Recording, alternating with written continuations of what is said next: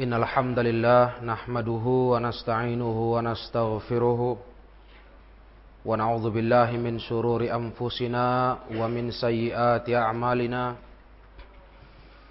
من يهده الله فلا مضل له ومن يضلل فلا هادي له وأشهد أن لا إله إلا الله وحده لا شريك له وأشهد أن محمدا عبده ورسوله يا أيها الذين آمنوا اتقوا الله حق تقاته ولا تموتن إلا وأنتم مسلمون.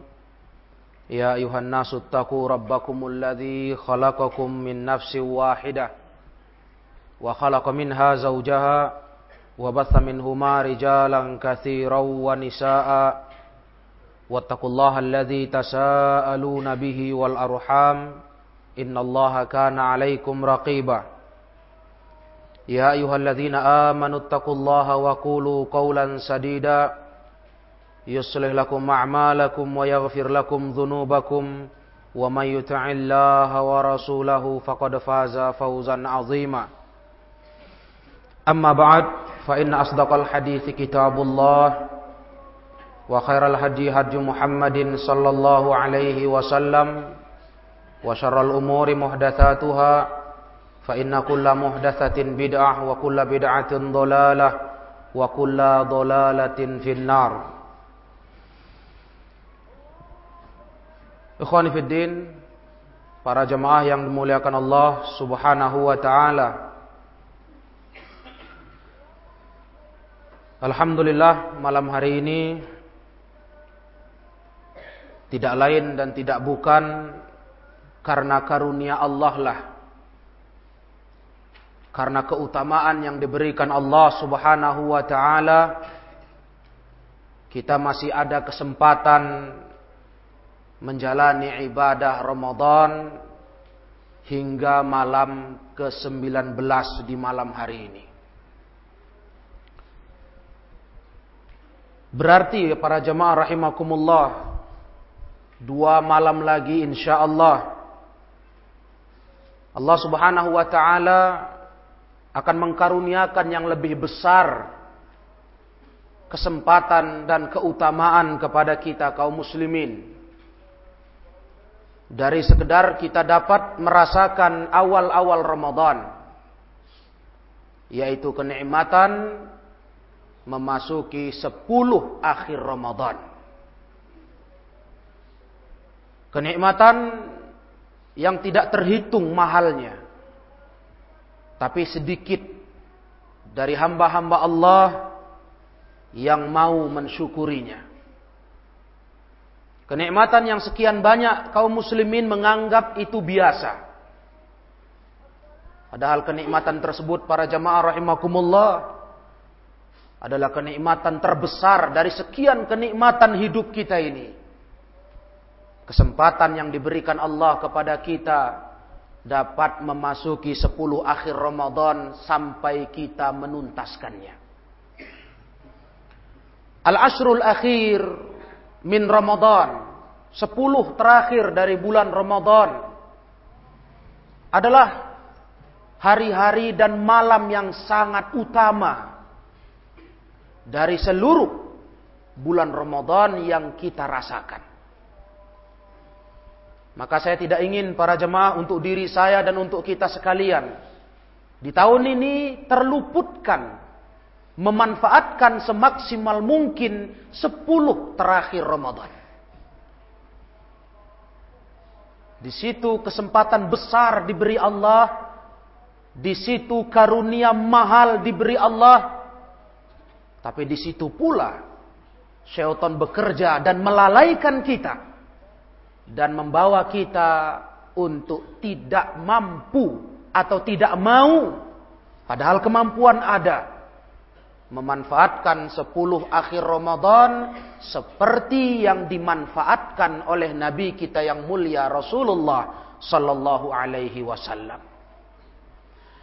Dan sepuluh akhir nanti para ikhwanna juga salah satu ujian untuk kita yang mengaku mencintai Rasulullah. Ujian untuk kita yang selama ini bercerita ingin mengamalkan sunnah Rasulullah. Karena Rasulullah sallallahu alaihi wasallam dan ini di antara keutamaan al-ashrul akhir min Ramadan, 10 terakhir Ramadan. Di dalam sahih Muslim dari Aisyah radhiyallahu taala anha. Kata Aisyah ummul mukminin, anna an-nabiyya sallallahu alaihi wasallam kana yajtahidu fil ashril awakhir ma la yajtahidu fi ghairihi. Ini sunnah Rasulullah. Kita selama ini cerita sunnah. Kita selama ini mengatakan saya mau menjadi orang yang ikut kepada sunnah. Sesaat lagi ya kawan. Ada tantangan untuk kita semua. Mana cerita kita mau mengikut sunnah Rasul dalam ibadah. Kata Ummul Mukminin Ibunda Aisyah radhiyallahu taala anha, Nabi Muhammad sallallahu alaihi wasallam yajtahidu bersungguh-sungguh fil ashril awakhir di sepuluh terakhir Ramadan yang tidak beliau lakukan kesungguhan itu di malam lainnya. Maka barang siapa sekali lagi untuk kita jamaah rahimakumullah yang sudah menyatakan, yang sudah mengikrarkan ingin mengakui dirinya, ingin menyatakan dia mengikuti dan mencintai sunnah Rasulullah, harusnya sepuluh terakhir nanti dia lebih bersungguh-sungguh dari 20 malam yang sudah kita lewati nantinya. Sudah 19 ini jemaah rahimakumullah. Sudah 18 malam kita lewati. Sesaat lagi. Kalau betul kita mencintai dan cerita mengikuti sunnah Nabi. Harusnya 10 terakhir Ramadan. Lebih bersungguh-sungguh dalam ibadah kepada Allah daripada 20 awal Ramadan. Barang siapa tidak ada perubahan. Barang siapa tidak ada beda dari awal Ramadan sampai akhirnya atau malah menurun mutu ibadahnya dalam poin ini tidak jujur dia berkata dia mengikuti sunnah Rasulullah sallallahu alaihi. Ini pembuktian dari Allah. Allah ingin uji jadi nggak gampang berkoar kaum muslimin ini kami beriman kepada Allah. Allah ingin uji supaya tidak gampang ahli sunnah berkata kami mau ikut sunnah Rasulullah. Allah mau uji sepuluh terakhir nanti. Di mana pengakuan selama ini yang kita selalu ucapkan, kita dakwahkan, kita serukan dan kita ajak manusia, mari ke sunnah Nabi. Mana ya khwana? Amal yang sangat besar. Sepuluh akhir Ramadan. Harusnya orang yang mengikuti sunnah Rasul. Ahli sunnah wal jamaah. Salafiyun. Kesungguhannya dalam ibadah melebihi 20 malam sebelumnya. Camkan itu para jemaah sekalian. Itulah yang namanya mengikuti sunnah Rasul sallallahu alaihi wasallam. Hadis Muslim ini menjadi satu bukti dalil kata ulama. Inilah keutamaan sepuluh akhir Ramadan. Nabi bersungguh-sungguh yang kesungguhannya tidak pernah melebihi malam-malam itu. Yang kesungguhannya tidak pernah dikalahkan oleh malam lainnya. Setiap kita berkata dalam hati kita mau beramal dengan cara Rasul. Tentunya terbuka lebar hati kita diajak kepada sunnah Rasul. Sekarang di hadapan kita satu sunnah besar menunggu. Dua malam lagi. Yang insya Allah malam 21 adalah malam ahad besok. Itulah malam kita memulai 10 akhir Ramadan. Mau bukti kita, bukti kepada Allah, kita tunjukkan. Tidak usah kepada manusia ini. Tidak usah kepada sesama kita ya Kepada Allah tunjukkan. Saya memang mau mengamalkan ajaran Rasul dengan sempurna. Dan Rasul mensunahkan. Sepuluh akhir Ramadan. Ibadahnya lebih serius dari dua puluh sebelumnya. Ini dicamkan para ikhwanna. Kalau tidak, kalau tak ada perubahan atau mayoritas yang nampak di masyarakat hari ini menurun. Karena begitulah lihainya syaitan. Menurun bukan malah meningkat seperti tuntunan Rasul yang mulia. Berarti mereka tidak mensyukuri umurnya dipanjangkan Allah sampai dia bisa masuk bulan Ramadan. Tidak ada bulan ikhwanna yang lebih mulia dalam bab pengamalan ibadah padanya selain Ramadan. Di Ramadan ini dibuka lebar oleh Allah pintu pengampunan segala dosa. Dibuka Allah selebar-lebarnya pintu ke surga. Kita sudah tekankan dalam kaji yang lalu. Andai kata ini harus dibayar mahal. Umur dan kesempatan ini. Kita nggak akan bisa membayarnya. Walaupun kita ingin membayarnya. Kalaulah dapat kita terus ketemu dengan Ramadan di sepanjang tahun hidup kita. Tapi kita akan mati ya khwana. Kita akan dipanggil Allah subhanahu wa ta'ala. Kita akan menghadapnya. Kesempatan seperti ini. Bukan kesempatan yang gampang didapati. Mungkin banyak manusia mendapati Ramadan. Tapi tidak dapat indahnya Ramadan dalam pengamalan hari-harinya dan malamnya. Banyak kaum muslimin, miliunan manusia mendapatkan Ramadan. Tetapi apa kita yakin kita tidak terkena hadis Rasul sallallahu alaihi wasallam rubba saimin laisa lahu min siyamihi illal ju' wal atash. Bisa jadi orang puasa nggak dapat apa-apa dari puasa kecuali lapar dan haus. Apa kita bisa jamin ya kawanna kalau kita termasuk dari orang-orang yang diampunkan segala dosa oleh Allah ketika menyelesaikan Ramadan dan kita tidak termasuk dari orang-orang yang diaminkan Rasulullah dari doanya Jibril. Orang-orang yang ketemu Ramadan tapi tidak dia mampu menggapai pengampunan dosa-dosanya dan dia dimasukkan ke dalam neraka dijauhkan dari surga. Sepuluh akhir ya kawan. Bagi seorang yang mengenal sunnah Rasul, dia sudah rencanakan dan sudah dia pastikan dalam arti Jadwal yang tidak mau digeser lagi. Sepuluh akhir ini tempat ibadah saya harus lebih serius dari malam sebelumnya. Itu bagi ahli sunnah wal jamaah. Para jemaah ikhwanna, lihat lagi hadis berikutnya dalam kitab Musnad. Masih dari Ummul Mukminin Aisyah radhiyallahu taala anha. Kata beliau, Kana Nabi sallallahu alaihi wasallam yakhlitul ishrina bi salatin wa naumin fa idza kana al ashru shammara wa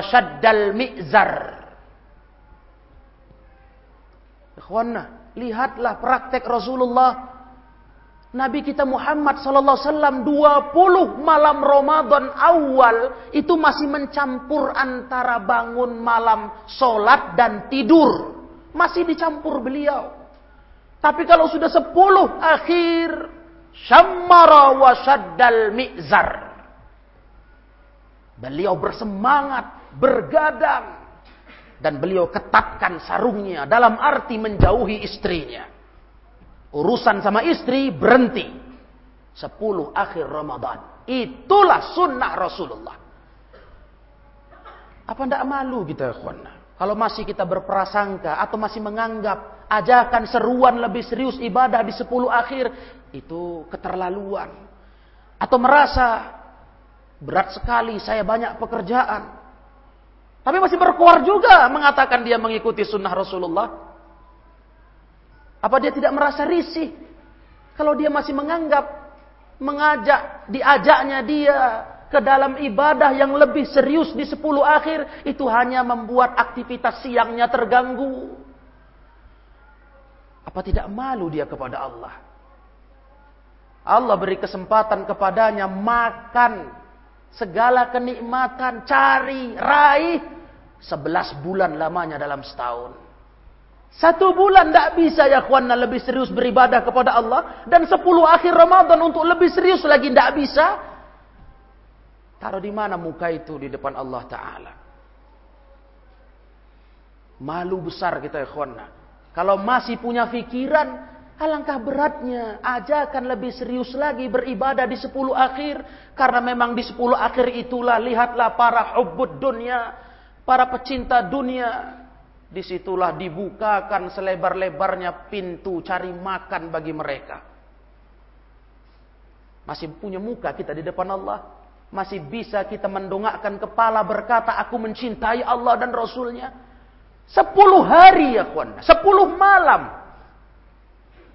Dari satu tahun, sebelas bulan. Allah Ta'ala memberi kita kesempatan dan tidak menuntut seperti yang dituntutnya kita di sepuluh akhir Ramadan ini. Apa tak malu sama Allah? Nabi kita Muhammad sallallahu alaihi wasallam dalam keterangan yang sudah terlalu sering kita sampaikan hanya untuk menunjukkan syukurnya kepada Allah karena beliau dalam ibadah tidak lagi mengharapkan pengampunan dosanya atau menggapai pahala baginya untuk dapat surga semua sudah dijamin Allah hanya untuk mendapatkan sebagai seorang hamba yang bersyukur kepada Allah. Predikat hamba yang bersyukur kepada Allah. Beliau sholat malam sampai pecah kakinya. Kita hitung-hitung dulu ya kawan. Kalau rasa-rasa kita, nengok kita semua yang banyak kali dosa. Bukan program menggapai predikat orang syukur sama Allah. Mungkin amal ibadah kita yang udah sangat serius ini baru sekedar nimbun dosa. Baru sekedar mengamalkan sabda Rasul sallallahu alaihi wasallam, "Wa atbi'is sayyi'atal hasanata tamhuha." Baru itu mungkin. Kata Rasul, kalau kita punya dosa, susulkan amal baik, kata Rasul, biar ngapuskan dosa itu. Baru nimbun dosa, sudah berani berkata, berat rasa saya. Belum predikat mensyukuri nikmat Allah subhanahu wa ta'ala. Supaya kita tahu diri. Supaya jangan terlalu ditipu dengan fata morgana dunia. Betul, kita semua punya hajat. Kita semua punya perlu mau cari makan. Tapi harus kayak kona sampai 10 akhir Ramadan pun. Yang di situ Nabi sudah tuntunkan. Yang untuk sampai ke 10 akhir itu. Ada 11 bulan 20 hari lamanya. 11 bulan dan 20 hari Ramadan. Kita mengumpulkan rejeki masih sanggupkan kita berkata, oh nggak bisa. Sepuluh akhir inilah lobang lumbung rejeki saya. Di mana muka kita mau dihadapkan kepada Allah Ta'ala? Mau diletak mana ya khwana? Yang sudah Allah karuniakan kita sebanyak ini rizkinya. Kita masih tak sanggup sepuluh akhir Ramadan. Lebih menggiatkan ibadah kepada Allah subhanahu wa ta'ala. Lihat Rasulullah 20 Ramadan kata Ibunda Aisyah masih mencampur tidur bangun, tidur bangun. 10 terakhir hampir tak tidur. Sanggup? Itu pun tidak sampai dituntut kalau untuk kita mesti kayak begitu misalnya harus tak tidur. Makanya kawan, kita masih banyak kekurangan di hadapan Allah Subhanahu wa taala. Kita belum apa-apa. Celaka orang yang sudah merasa hebat dalam hidup ini. Celaka, merugi orang yang merasa sudah hebat dalam hidup ini. Padahal dia orang yang tak ada apa-apanya di hadapan Allah Subhanahu wa taala. Hadis yang dikeluarkan dalam kitab Musnad ini dari Ummul Mukminina Aisyah menjadi bukti keutamaan berikutnya dari 10 akhir Ramadan. Kalau dalam riwayat Bukhari Muslim masih dari Ummul Mukminin Aisyah, karena Nabi sallallahu alaihi wasallam idza al-ashru shadda mi'zarahu wa ahya lailahu wa aiqadha ahla. Satu lagi program 10 akhir nanti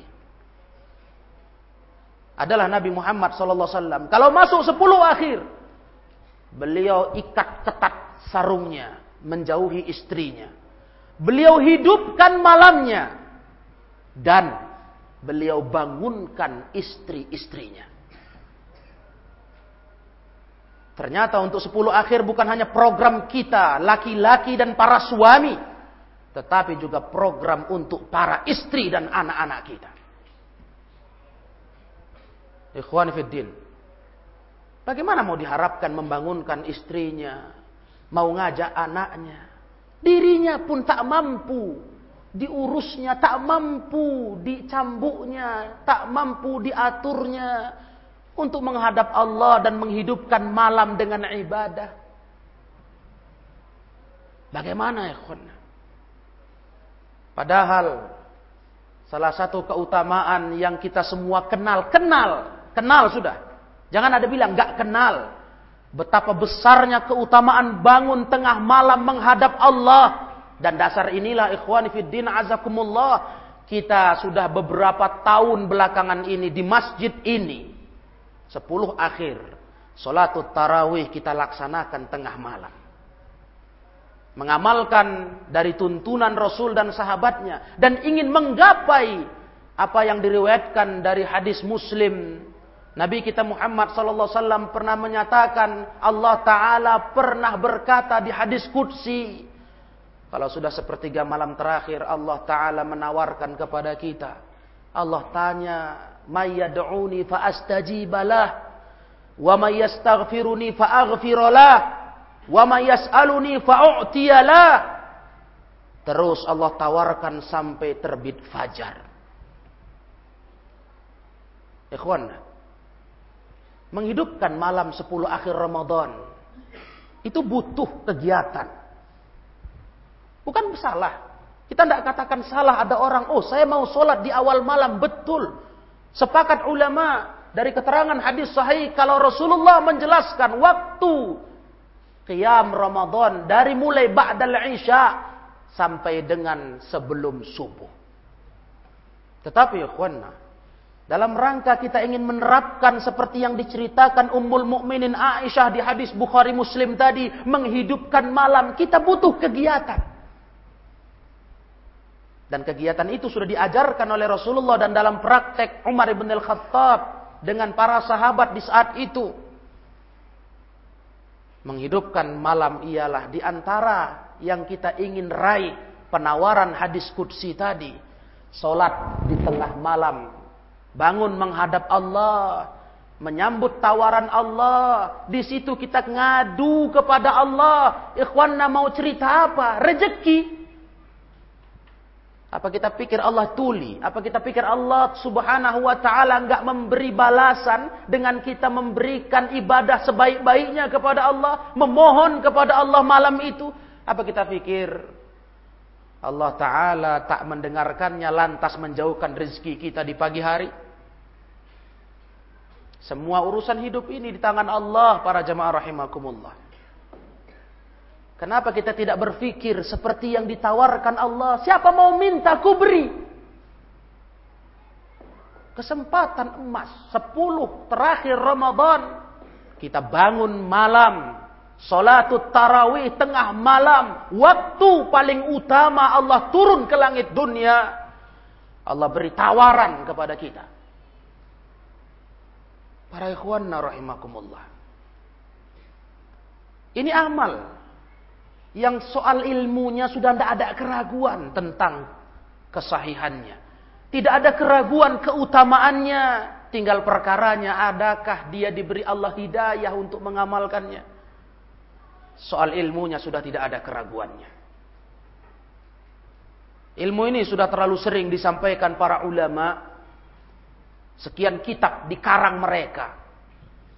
Malam ini saya sampaikan ya kawan, di antara dari kitab-kitab tersebut ini salah satu dari nasihat Asy-Syaikh Muhammad bin Shalih Al-Utsaimin rahimahullahu taala yang beliau sampaikan di malam-malam di majlis malam Ramadan lantas dikumpul dalam satu kitab yang ini nasihat untuk mencambuk kita mana cerita cinta Allah cinta Rasulnya mana sepuluh hari Sepuluh hari masih banyak keluh kesah untuk lebih taat kepada Allah. Ha, tutup buku lah sudah.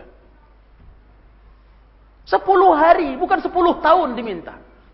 Sepuluh hari ya kawan. Masih cerita lagi belanja hari raya. Padahal tidak terganggu dia cari belanja hari raya siang harinya. Cuman dia takut mungkin. Kurang melek matanya. Apa dia pikir dengan melek terang matanya lantas datang rezeki kalau tak diberi Allah Ta'ala? Sebetulnya itu kali-kali yang ringan. Tapi kita dilupakan syaitan. Kita merasa bagaimana stamina saya kalau harus menghidupkan malam dengan ibadah. Masya Allah. Ikhwanna rahimakumullah. Memang syaitan tak pernah berhenti menyesatkan anak Adam. Para ikhwanna, para jemaah yang dimuliakan Allah Subhanahu wa taala. Apa maksud Rasul menjauhi istrinya? Beliau mengetatkan ikatan sarungnya. Tidak lain kata Syekh, liyatafarragh lis-salati waz-zikri. Supaya Rasulullah bisa lebih konsentrasi mengkhususkan malam-malam itu untuk solat dan berzikir. Kiraatul Quran. Jadi malah para jamaah Rasul itu sudah nggak bercampur lagi tidur sama sholat sudah. Sudah banyaknya tak tidur malam sepuluh akhir itu. Sudah banyaknya ibadah. Yang kita sudah praktekkan selama ini masih juga adanya kesempatan tidur, bukannya dilarang. Tapi kok bisa kurang semangat untuk menyambut keutamaan yang berkali-kali lipat dari beragam hadis bangun malam sepuluh akhir Sambut tawaran Allah, tempat dikabulkan doa oleh Allah Ta'ala. Apa tak minta kita kepada Allah ya kawanna? Apa enggak butuh kita minta kepada Allah? Apa enggak butuh kita ngadu? Kita ini banyak problema. Hidup kita ini banyak problema.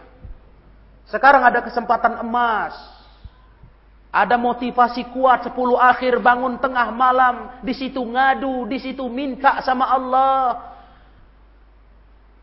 Apa kita nggak butuh minta sama Allah jamaah rahimakumullah di waktu itu akan kondisi rumah tangga kita, istri kita yang kurang mau ke agama, anak yang masih liar tingkah lakunya, apa tak mau minta itu?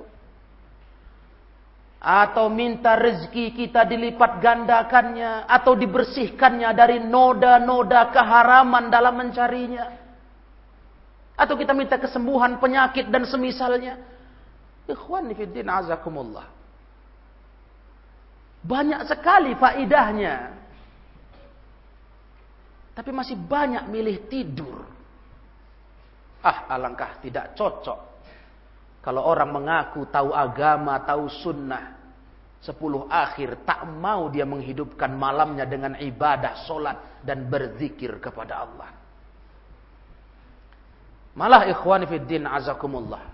Yang dituntut ke kita masih ringan. Andai kata kita berada di tiga masjid.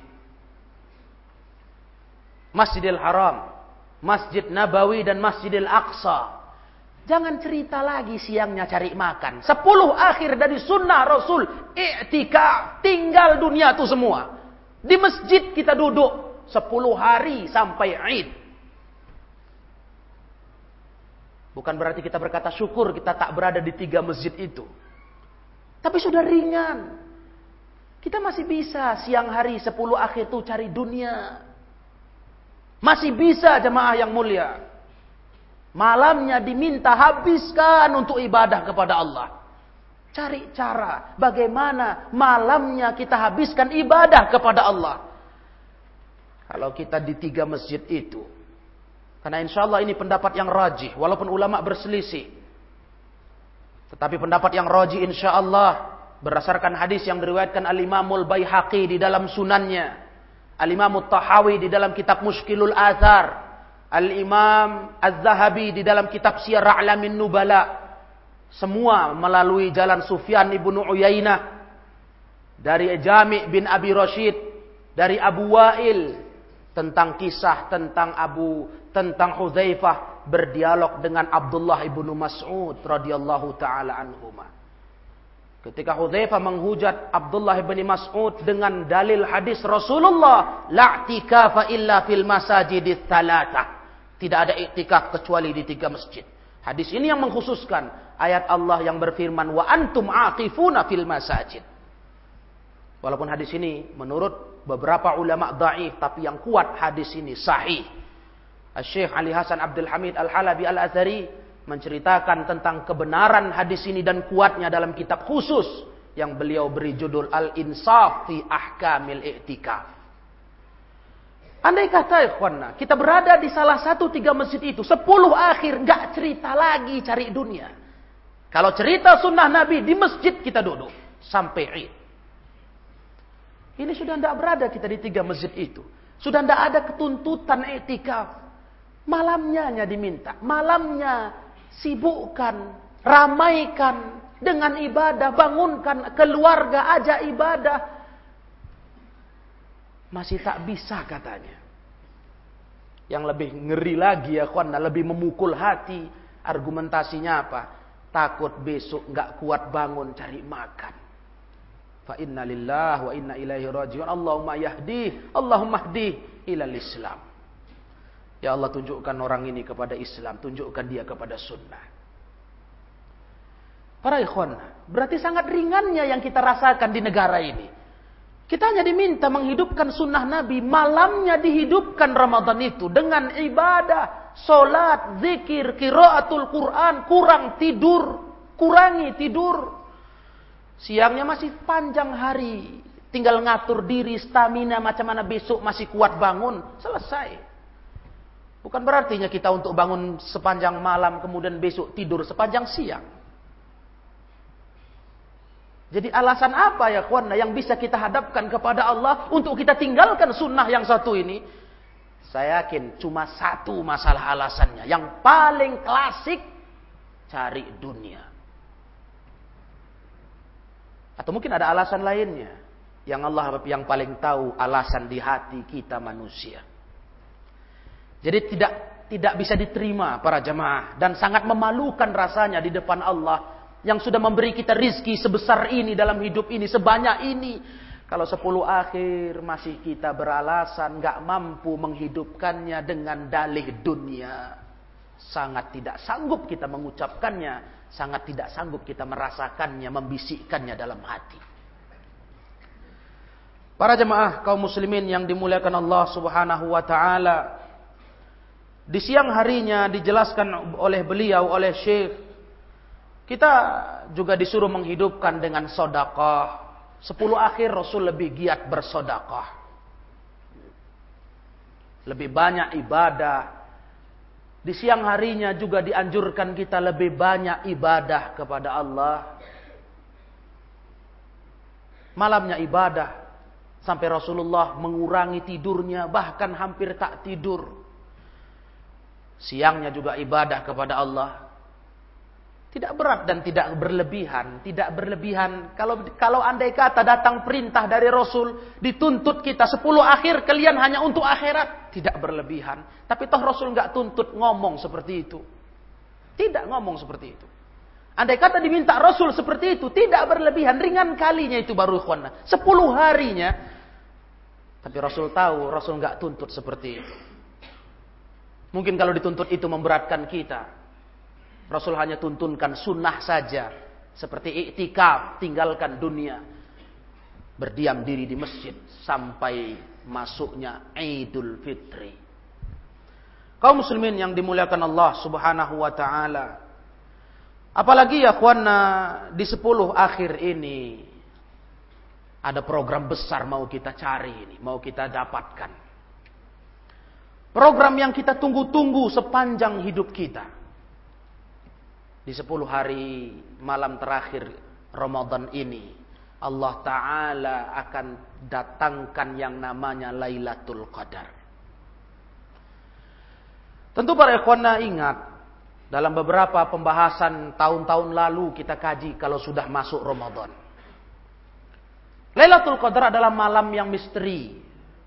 Tidak ditentukan, tidak diukur, dipastikan kapan malamnya. Tetapi dari beragam macam riwayat-riwayat yang sahih, Lailatul Qadar itu di malam ganjil dari 10 terakhir Ramadan. Apa kata Syekh Utsaimin? Ini yang membuat kita tersentuh. Hikmah ini supaya kita tahu kenapa Allah menyembunyikan Lailatul Qadar itu gak disebutkan oleh Allah kapan malamnya. Kata Syekh Waqad aqallahu subhanahu ilmaha 'alal ibadi rahmatan bihim liyakthura 'amaluhum fi talabiha fi tilkal layalil fadilati bis salati wal dzikri wad du'a fayazdadu qurbatan minallahi wa thawaban wa akhfaha ikhtibaran lahum aydan liyatabayyan bidzalika man kana jaddan fi talabiha harisan 'alaiha Rupanya Allah mau uji ikhwan.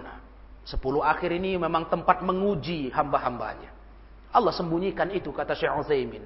Disembunyikan ilmunya dari para hamba sebagai rahmat bagi mereka biar banyak amal mereka mencarinya. Jadi ada dorongan kita sepuluh terakhir itu mencari Lailatul Qadar. Sibuk kita dengan solat, zikir, doa. Sehingga bertambah terus kedekatan kita kepada Allah Ta'ala. Itu hikmah pertama. Sayang Allah sama kita. Kalau disebutkan malam ini misalnya. Malam sekian. Kelas. Hanya malam itu yang kita giatkan ibadah. Tapi ketika Allah rahasiakan. Sepuluh terakhir kita cari terus dia. Sayang Allah sama kita. Hikmah kedua, ikhwan, ini yang tadi kita katakan. Ikhtibaran lahum aydan mau menguji kita. Ini ujian ini. Biar jelas, lihat tabayyan bidzalik, biar jelas sama Allah siapa hambanya yang jad dan fi talabiha, serius mencarinya, harison 'alaiha, semangat mendapatkannya. Allah mau lihat siapa ini. Yang sudah dikasih rezeki sepanjang hidup ini, siapa yang betul-betul mau cari malam ini sepuluh terakhir dia? Siapa? Allah mau cari orangnya, mau lihat siapa dia. Apa tak malu ya kawan kalau kita tak masuk daftar? Ikhwana, apa enggak sedih rasanya kita enggak termasuk kategori nama yang tercantum di sisi Allah yang betul-betul mencarinya, semangat mendapatinya. Ah, ikhwan tentu enggak ragu sudah keutamaan Lailatul Qadar itu dari kecil-kecil kita sudah tahu. Khairun min alfi syahrin. Lebih baik dari seribu bulan. Ikhwanna, saya mau tanya khususnya ke diri saya dan kita semua. Untuk mendapatkan malam lebih baik dari seribu bulan, apa enggak patut sepuluh terakhir kita banyakkan ibadah? Ini andai kata nih ikhwanna. Ada. Ada lagi biaya lain. Mendapatkannya dari sekedar kita mengkhususkan diri. Banyak ibadah sepuluh terakhir. Yaitu kita harus beri semua harta kita kepada Allah. Nol. Kita mulai lagi di awal id nanti. Saya yakin itu belum seberapa. Kalaulah dengan itu dijamin kita mendapatkan Lailatul Qadar. Apalah dunia ini dibanding yang di sisi Allah? Khairu min alfi syahrin. Lebih baik dari seribu bulan. Cuman satu malam saja dapatnya. Masya Allah. Satu malam sama dengan seribu bulan. Masa untuk dapatkan malam yang sehebat ini? Mau enak-enak saja ya kawan. Mau tenang-tenang. Mau nyaman-nyaman. Gak mau capek-capek. Gak layak rasanya. Coba renungkan ini para ikhwana yang saya muliakan. Ini nasihat dari ulama yang kita baca ini kitab ulama ini nasihat dari ulama besar ahli sunnah di masa ini. Rahimahullah. Yang membuat kita terpukul betul lihat tingkah laku kita masa lalu. Lihat ulah-ulah alasan-alasan kita cari-cari dan cari keringanan, cari yang enteng, cari yang mudah. Memang gampang apa masuk surga? Terasa ya Syukur Allah masih beri kita kesadaran dengan ngaji malam ini. Kita masih bisa rubah kesalahan masa lalu. Kita masih bisa tambal lobang-lobang, cacat-cacat amal masa lalu. Mulai malam ahad besok ya kawan. Adalah mulai malam pertama dari sepuluh akhir Ramadan. Kita dituntut untuk mengamalkan ilmu yang kita belajar pada malam hari ini. Hidupkan malam dengan solat dan zikir kepada Allah Subhanahu wa taala. Hidupkan malam dengan ibadah, minta doa. Semua malam itu kita banyakkan doa ibadah terus. Merengek sama Allah, di situ Allah turun ke langit dunia, apalagi bertepatan dengan malam Lailatul Qadar subhanallah. Ikhwanna, satu bukti kalau malam itu kita manfaatkan untuk pengampunan dosa karena memang babnya ini kita banyak kali dosa. Lihatlah riwayat berikut ini. Riwayat yang ditanyakan oleh Aisyah kepada Rasulullah suami yang mulia, suami tercintanya. Ya Rasulullah, ara'aita in alimtu ayya lailatin lailatal qadri? Apa pendapatmu ya Rasul kalau andai kata aku tahu malam itu malam Lailatul Qadar, ma aqulu fiha? Apa lafat harus kudoakan malam itu kata Aisyah. Ikhwan tahu apa yang disuruh Rasul? Dari perintah doa ini baru sadar kita. Fokus apa yang harus kita sibukkan hari ini. Minta pengampunan dosa. Rasulullah ajarkan. Kata Rasulullah. Kuli Allahumma innaka afuun tuhibbul afwa fa'fu anni. Ya Allah, engkau maha pemaaf ya Allah. Engkau maha pemaaf. Engkau cinta kemaafan. Maafkanlah, ampunkan dosaku. Masya Allah. Hadis ini dikeluarkan oleh Imam Tirmidzi dan Ibnu Majah. Masya Allah. Rupanya yang disuruh Rasul kalau anda yang sudah positif tahu kita melalui ciri-cirinya malam ini Lailatul Qadar banyakkan minta ini ya kawan. Tanda apa? Manusia ini gudang dosa. Udah gudang dosa, dikasih waktu untuk minta ampun sama Allah. Itu pun tak dimanfaatkannya. Hah, apa lagi sudah? Ikhwan fiddin, kita ini ngeri kali dosa kita. Jangan ada yang merasa hebat sudah. Malulah sama Allah yang maha tahu. Kalau sesama kita, kita bisa sembunyikan dosa. Sesama kita, kita bisa kubur dia. Bisa. Tapi di depan Allah Subhanahu wa taala bagaimana caranya? Wa huwa 'allamul ghuyub. Allah yang Maha tahu segala urusan gaib. Bagaimana kita sembunyi? Jadi malulah sama Allah, itu yang pertama. Malulah sama Allah. Allah Maha tahu ulah semua kita tanpa terkecuali. Seharusnya kita tersentuh dengan riwayat ini. Berarti tandanya memang Fokus utama yang kita amalkan, kita semangati di hidup ini untuk sepuluh akhir nanti. Memang urusannya di antara yang paling terpenting cari pengampunan dosa. Banyak kali dosa kita ya Jangan kita sampai ulama ada bilang apa ketika beliau dipuji-puji oleh masyarakat, ketika beliau disanjung-sanjung, ketika beliau diangkat-angkat apa kata beliau? Andai kalian tahu apa yang ku tahu tentang diriku, lahataitum ala ra'sit turaba. Riwayat ini diceritakan Imam Zahabi dalam kitabnya Syiar Alamin Nubala. Kalau kalian tahu yang ku tahu tentang ulah diriku, bukan kalian sanjung aku, kalian lempari tanah kepalaku.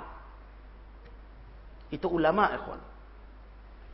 Jadi aduh, orang gak punya pikiran apa. Hari ini merasa tinggi diri dia. Hah?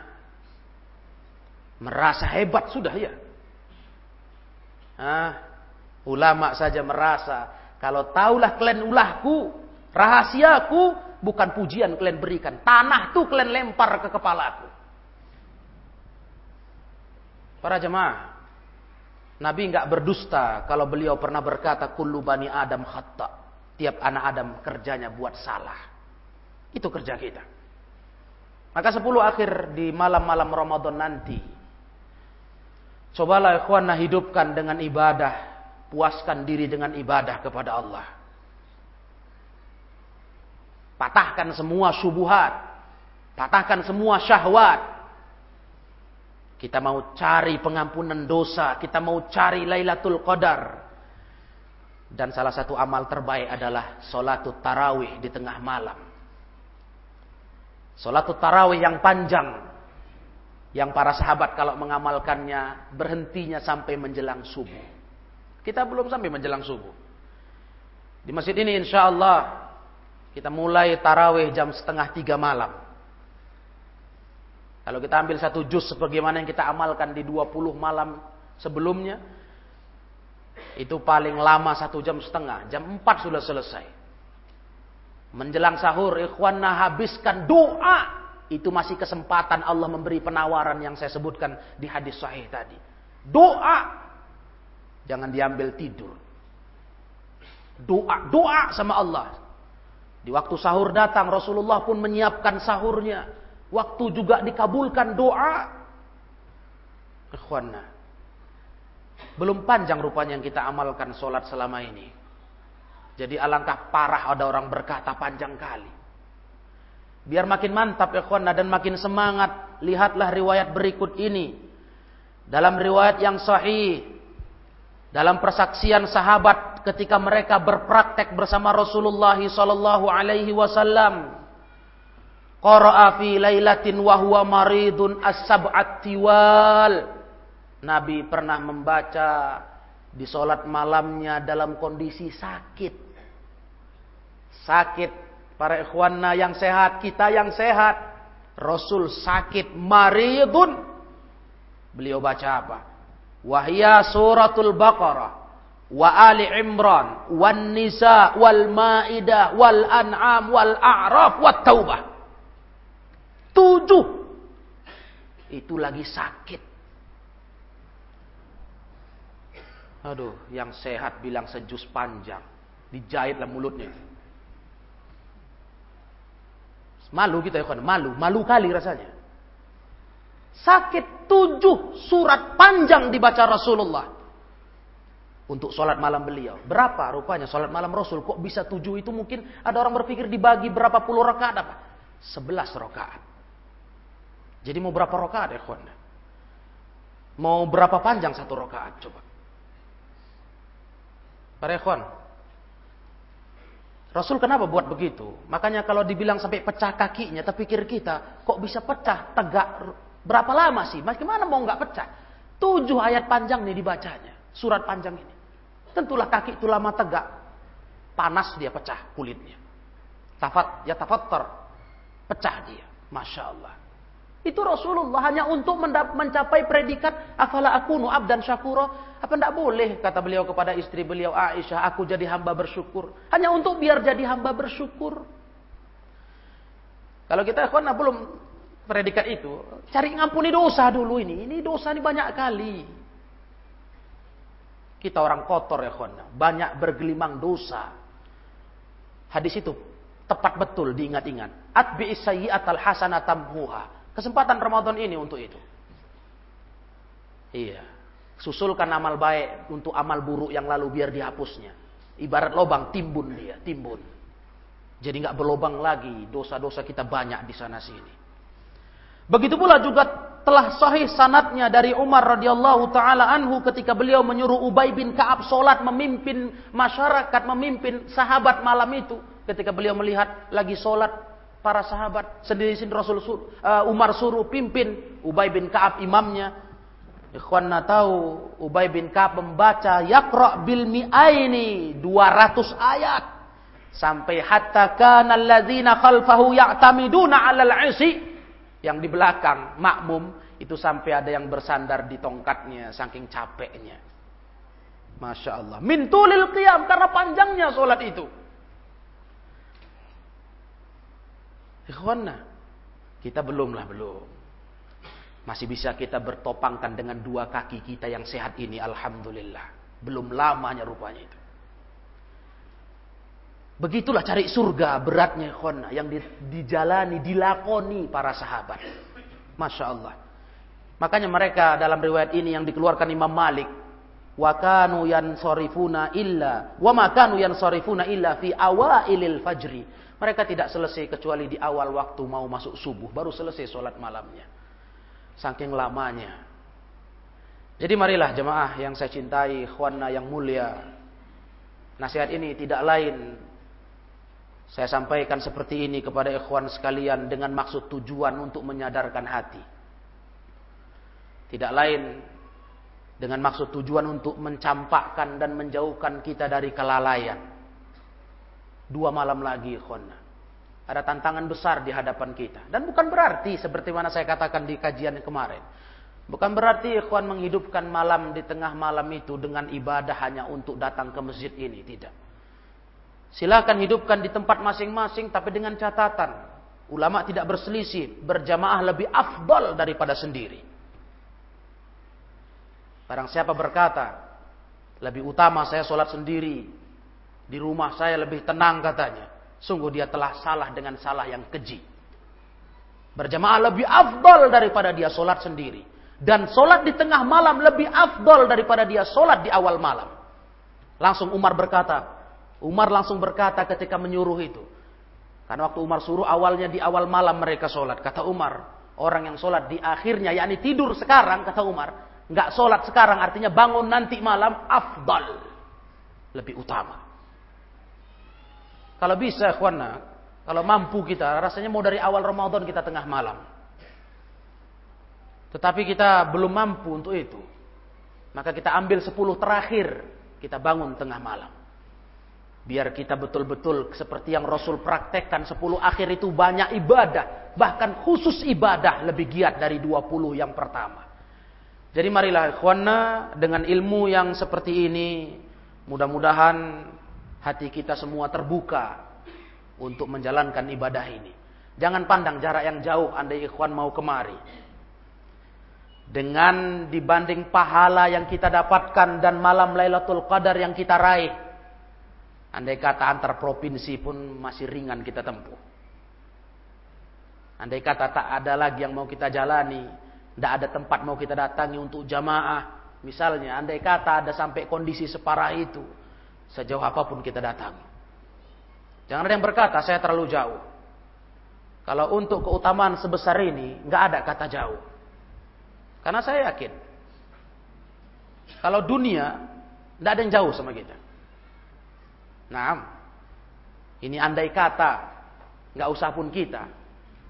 Ah, artinya nggak hanya kita yang datang, bisa semua masyarakat kemari, bisa apabila misalnya kita katakan ada sedekah 100 ribu 10 terakhir yang datang ke Masjid Salafi. Saya jamin itu. Apakah semurah itunya iman kita?